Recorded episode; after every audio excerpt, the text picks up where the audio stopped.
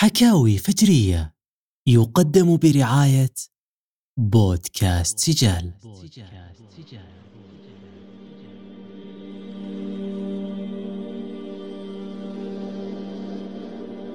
هذا فتى يقال له صافي ابن الصياد وقيل اسمه عبد الله ابن الصياد أو ابن صائد. ولدت امرأة من اليهود طفلا عينه ممسوحة بارزة فشك رسول الله صلى الله عليه وسلم أن يكون هو المسيح الدجال فكان يستطلع أمره يريد أن يبلغ اليقين منه حتى قارب ذاك الفتى على البلوغ. فذهب رسول الله صلى الله عليه وسلم ومعه عمر رضي الله عنه ورهط من الصحابة إلى ابن الصياد وهو يلعب مع الصبيان وكان لا يريد أن يشعر ابن الصياد به لعله يسمعه يقول شيئا لا يحدث به أمام الملأ فلم يشعر ابن الصياد بقدوم النبي حتى ضرب النبي كتفه فالتفت ابن الصياد فقال له النبي أتشهد بأني رسول الله؟ فنظر ابن الصياد لرسول الله وقال أشهد بأنك رسول العرب ثم قال لرسول الله وأنت هل تشهد بأني رسول الله؟ فرفضه رسول الله صلى الله عليه وسلم وقال آمنت بالله ورسوله. لم يكن هذا غريبا بأن يكون ابن الصياد اليهودي يؤمن بأن الرسول هو نبي العرب. كانت يهود المدينة تنقسم إلى قسمين طائفة منهم من ينكر نبوءة محمد من أساسها ومنهم من يشهد بأن محمد النبي ولكن ليس عليهم. وابن الصياد كان من هذه الفئة. ثم قال له رسول الله ماذا ترى؟ فقال ابن الصياد يأتيني صادق وكاذب أي الآتي الذي يمدني بالأخبار مرة يكون صادق ومرة يكون كاذب.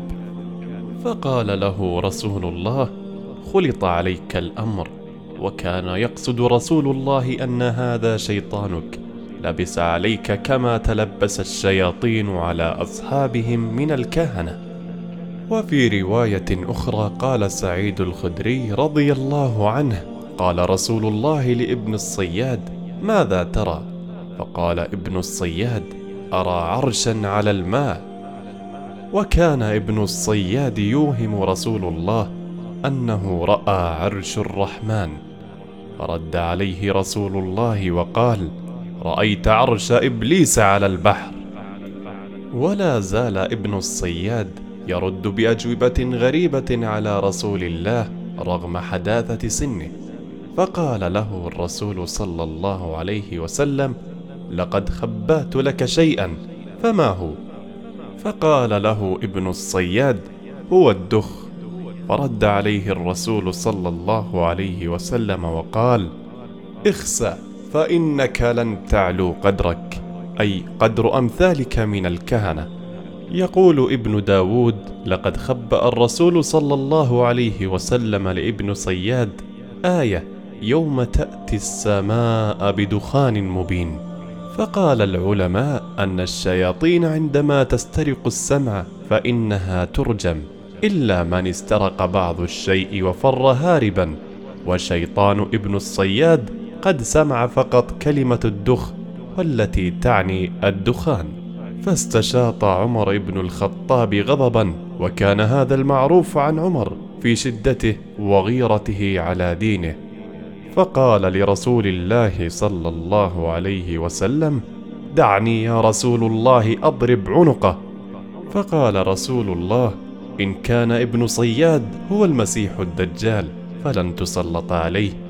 وإن لم يكن هو فلا خير لك في قتله.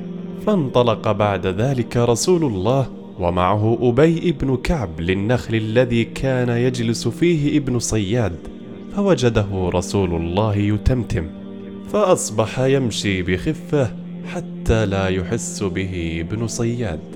ولكن حصل ما لم يكن في الحسبان.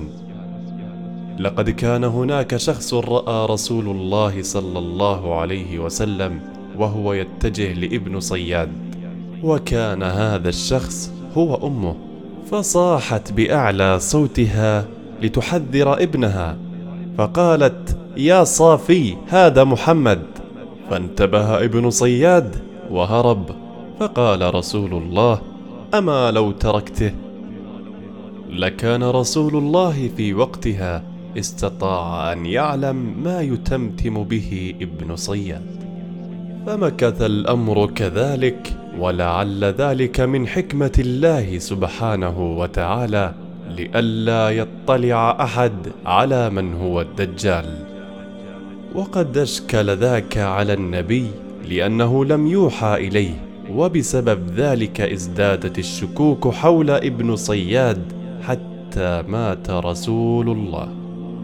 وكان ابن صياد يعلم أن رسول الله صلى الله عليه وسلم وصحابته يشكون بأنه الدجال. فكان عمر بن الخطاب رضي الله عنه يقسم بالله بأن ابن صياد هو الدجال أمام رسول الله ولم ينكر عليه رسول الله ذلك لأن رسول الله صلى الله عليه وسلم لم يكن يعلم حقيقة الأمر ولم يوحى إليه. إنما هي شكوك تراودهم بسبب تصرفات ابن صياد.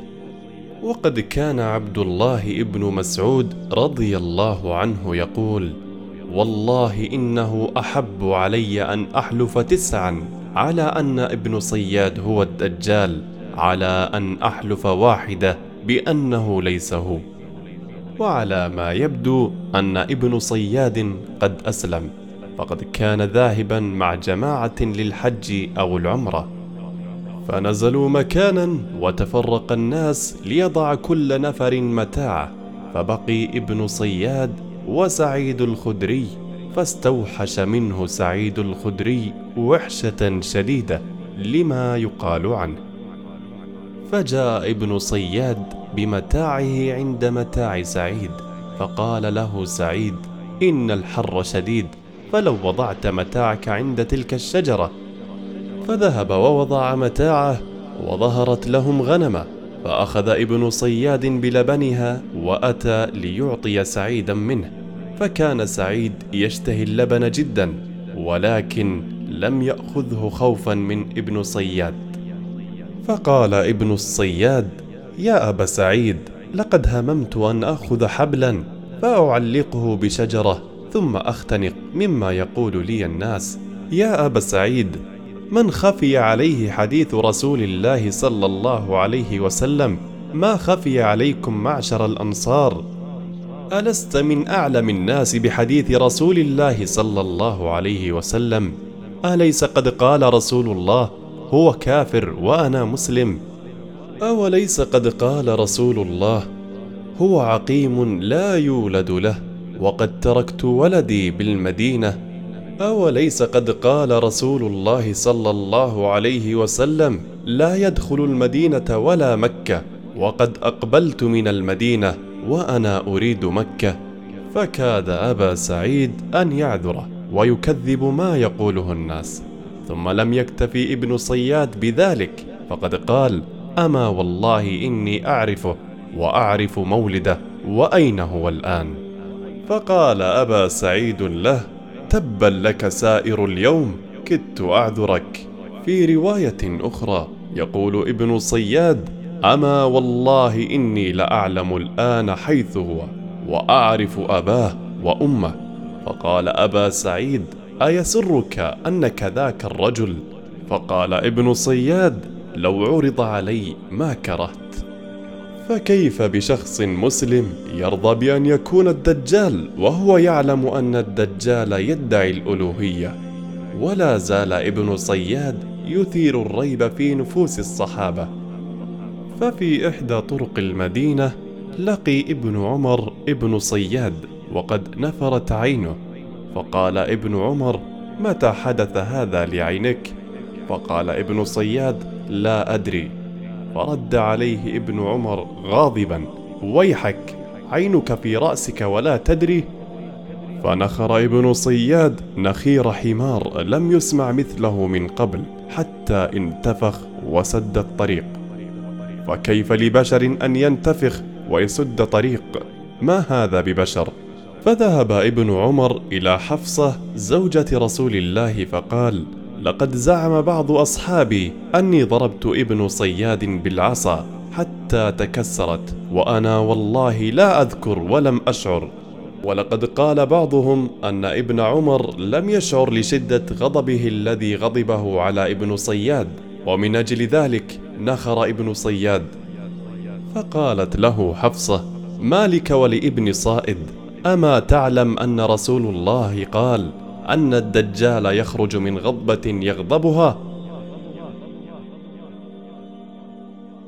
وهذه الله يسلمس قصة ابن الصياد يقول الشوكاني رحمة الله عليه لقد قيل بابن صياد كل قول. وبعضهم قال إن ابن صياد مات. والبعض قال إنه خرج من المدينة وما رجع من وقتها. حيرتين. يعني الحين وش الصح؟ مثل ما قلت لك ما حد يدري من هو الدجال بس اللي علينا ناخذ بالوصف اللي عطانا إياه رسولنا الكريم. مثل مسيح الدجال رجل قصير أفحج. يعني إذا جاي يمشي يبعد رجوله كأنه مختن. جعد الشعر يعني شعره خشن أعور مطموس العين.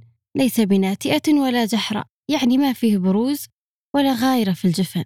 في حال أشكل علينا الأمر لازم نعرف إن ربنا ما هو بعور هذا بالنسبة لشكله. أما بالنسبة لقواه الخارقة إنه يقدر يحيي الموتى بإذن الله ويأمر السماء وتمطر ويأمر الأرض وتصير جدبة والشيء اللي لازم نعمل به لو صادفناه ويا جعله ما يطلع في دربنا أبد هو إننا نحفظ عشر آيات الأولى من سورة الكهف. وإننا نحاول قد ما نقدر ما نتواجه معه ولا نصادفه نقعد في بيوتنا. شكلت نسيتي يا خيتي بعد الدعاء اللي قبل السلام من الصلاة. اللي كان الرسول يدعي به ويقول اللهم إني أعوذ بك من فتنة المحيا والممات وفتنة المسيح الدجال. عاد تدرين بيموت على يد من؟ أيوة نختت بيموت على يد عيسى بن مريم عليه السلام. ولو إني ما ودي أصدمت بس ترى للدجال رواية ثانية. لها دخل بالسامري هاو السامري خليني أقول لك من هو